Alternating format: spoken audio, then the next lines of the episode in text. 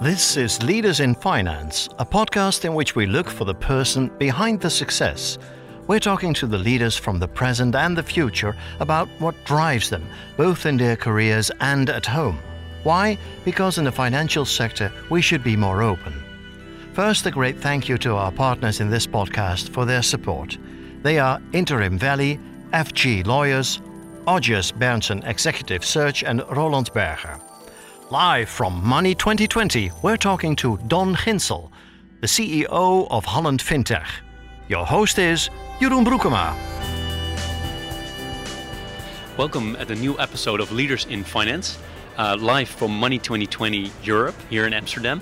And I'm delighted that we have Don Ginsel, the CEO of Holland Fintech, with us.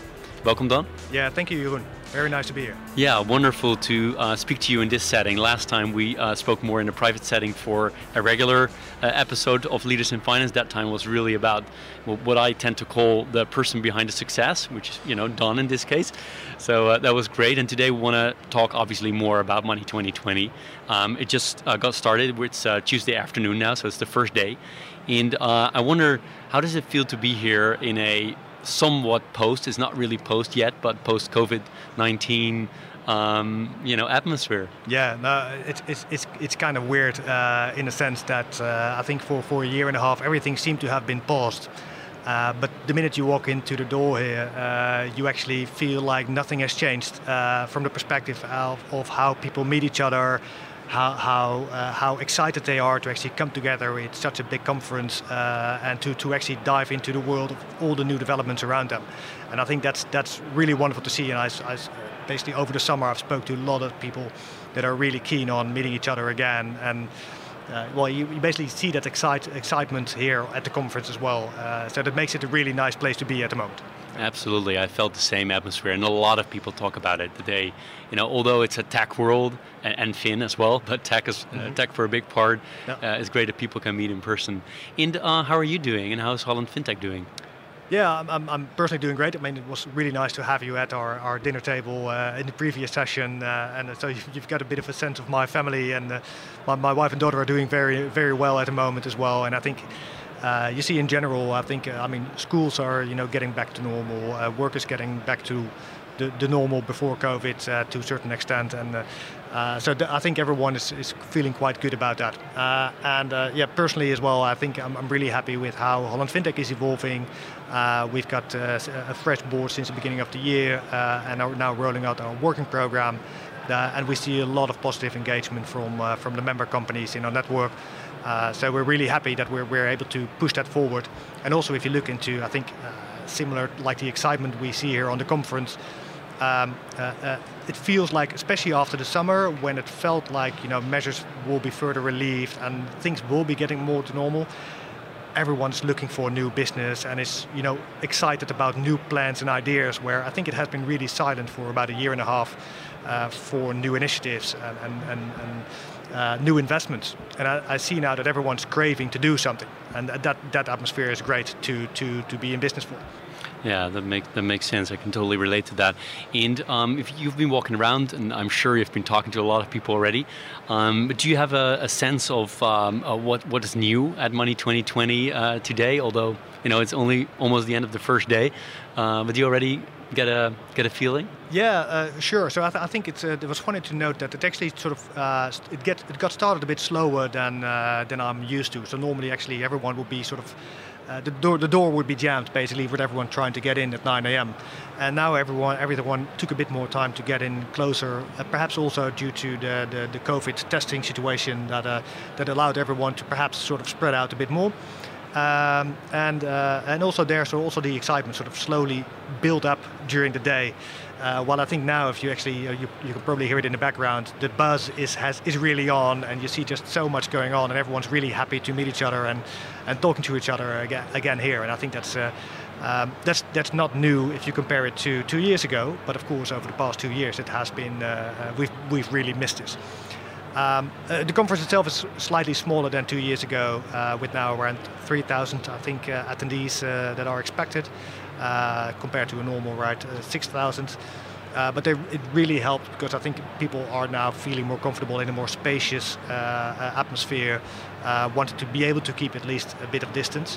While at the same time, you see as well that people are almost forgetting indeed that the world outside the RAI is completely different, perhaps. Uh, there's no mouth covers, uh, and, people are just, you know, greeting each other and be- almost like nothing happened uh, compared to two years ago. Yeah, and if we look at the exhibitors, uh, and maybe we can have a look from from two angles. First angle, the startups, scale-ups, yep. and the other angle, more the traditional financiers or the more traditional banks, insurance, or whatever what, what we have. Um, can, can you can you look at both and maybe first start with the startups, scale-ups? What, what do you see? Is it different? Yeah, so I think it's uh, uh, it's a very interesting topic because I think there's quite a lot of new players on the ground. But funnily enough, it's not really the, the younger startups, and I think you know generally it's it's quite costly to come to Money 2020. So we see that actually a bit more mature uh, companies are more likely to come here. Uh, but there are a new, lot of new players, and I think it has a lot to do as well with the accelerated growth that we saw with a lot of fintech players over the past year and a half. Because of course, indeed, the world has has sort of, to a certain extent, socially it stood still, but from a business perspective, uh, especially everyone in digital services, we've seen a big acceleration uh, because everything had to be remote, everything had to be digital, wireless, uh, contactless, uh, and that spurred some fintechs to really grow to tremendous growth. Uh, uh, just like as likely as we saw it with the funding rounds, right? So the investments in fintech almost, you know, increased just as, as much as the years before, even though people were more hesitant to meet each other. Uh, and I think that, that that's what you show, what you see now here. There's actually a lot of new uh, companies, new faces as well here on the conference. That I think that's a, that's a great win. That's interesting. And, and from a more uh, traditional financial institution perspective, yeah, so I think there also you see a slight difference. I think uh, uh, up until two years ago, I think uh, a lot of uh, financial institutions were uh, full on marketing themselves as a, a high on uh, innovative company doing all kinds of investments, spin outs, and new projects themselves. And I think that's what we've seen over the past two years, especially I think in Europe and also in the Netherlands, that they've become much more modest, right? I think they've been seeing that not all of the um, desired innovations actually uh, hit the ground. they've been some of the uh, investments that they made they had to write off or make changes to. And I think that really made them more modest now in their in their perspective. So they still want to be here they want to learn they want to make new connections. But they're not here to, tell you that they're going to rule the world. Uh, they're really taking a much more modest role. Uh, and I think this it's interesting. I think it's, it's probably a pendulum that will swing back and forth, and uh, you know at some point probably they, they will be able to move much more forward. But I think especially over the last two years, there's been so much focus on compliance issues, for example, within the financial industry, like anti-money laundering, uh, the whole client screening, uh, that um, uh, I think, yeah, it, has been very hard for banks to focus on innovation, I would say. Yeah, all right.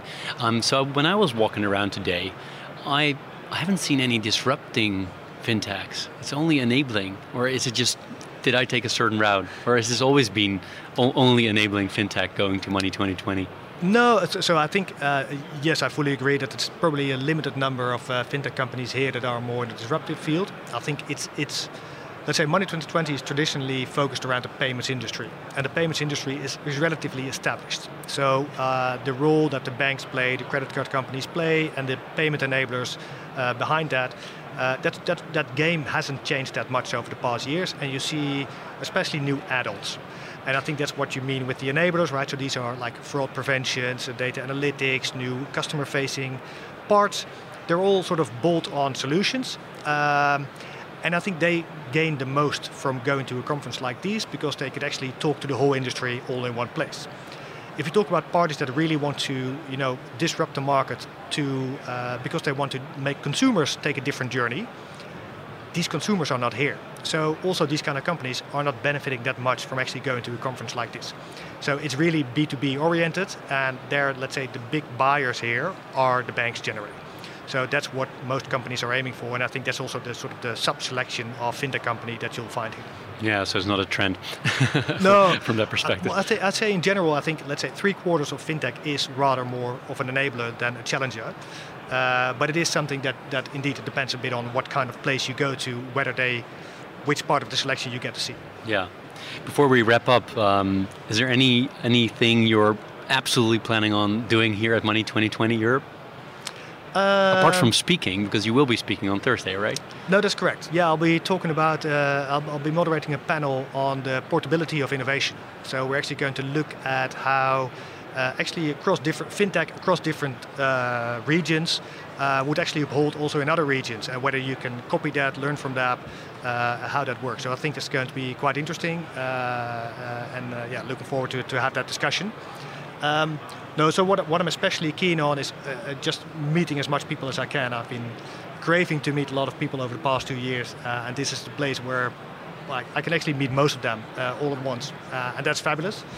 Uh, and for the rest, I'm, I'm trying to survive my schedule, which is pretty pretty tight with meetings on end, a couple of things to do at night as well, and so altogether, uh, I hope to sort of at some point get out of this bubble uh, on Friday and have survived. Uh, uh, and it will definitely be a lot of fun, but it's exhaustive at the same time. Yeah, well, I mean, you, you look extremely energetic, so that's that's great, and some caffeine will caffeine will, will probably help. Um, before we uh, before we really end, uh, is there anything you would like to share that I didn't ask you? Um, no, I think you actually uh, asked some nice questions. What, what I think is what I would like to convey, perhaps, is I think that, uh, to capture a bit of the uh, the excitement here is one of the things that I find find so um, um, uh, so funny when I was entering here. So you actually you go through a tunnel that sort of brings you through some kind of fairy tale land, and then all totally. of a sudden you open up and you're at this conference, and it, and it really feels it's a very good way of actually for them to show you that you can leave the rest of the world behind you, and you're in a different zone now and you actually see that that works for the people that are here. They're, they're, the excitement goes up. You see that they're, you know, everyone's shaking hands like never before, uh, and uh, I think that that excitement that captures. I think it's just uh, it's just really nice to be here, and so from that perspective, yeah, it's, it's hard to convey that perhaps through audio alone. Uh, but uh, that's that's in any case what also is, gives me the energy to be here and survive for the coming three days. Wonderful. I love how you described that, and actually you did convey it, you know, totally over over audio. So that's uh, that's uh, fantastic. Uh, thank you so much, Don, for your for taking the time, and looking forward to to talk again anytime soon. Thank you. Was thank fun. you. Thanks. You've been listening to Leaders in Finance. We hope you've enjoyed this episode and we do appreciate very much any feedback you might have. What's keeping you busy and whom would you like us to talk to in the future? Please let us know through an Apple or Google review. You can also contact us through social media platforms or directly by sending an email. We would very much appreciate it if you reach out to us.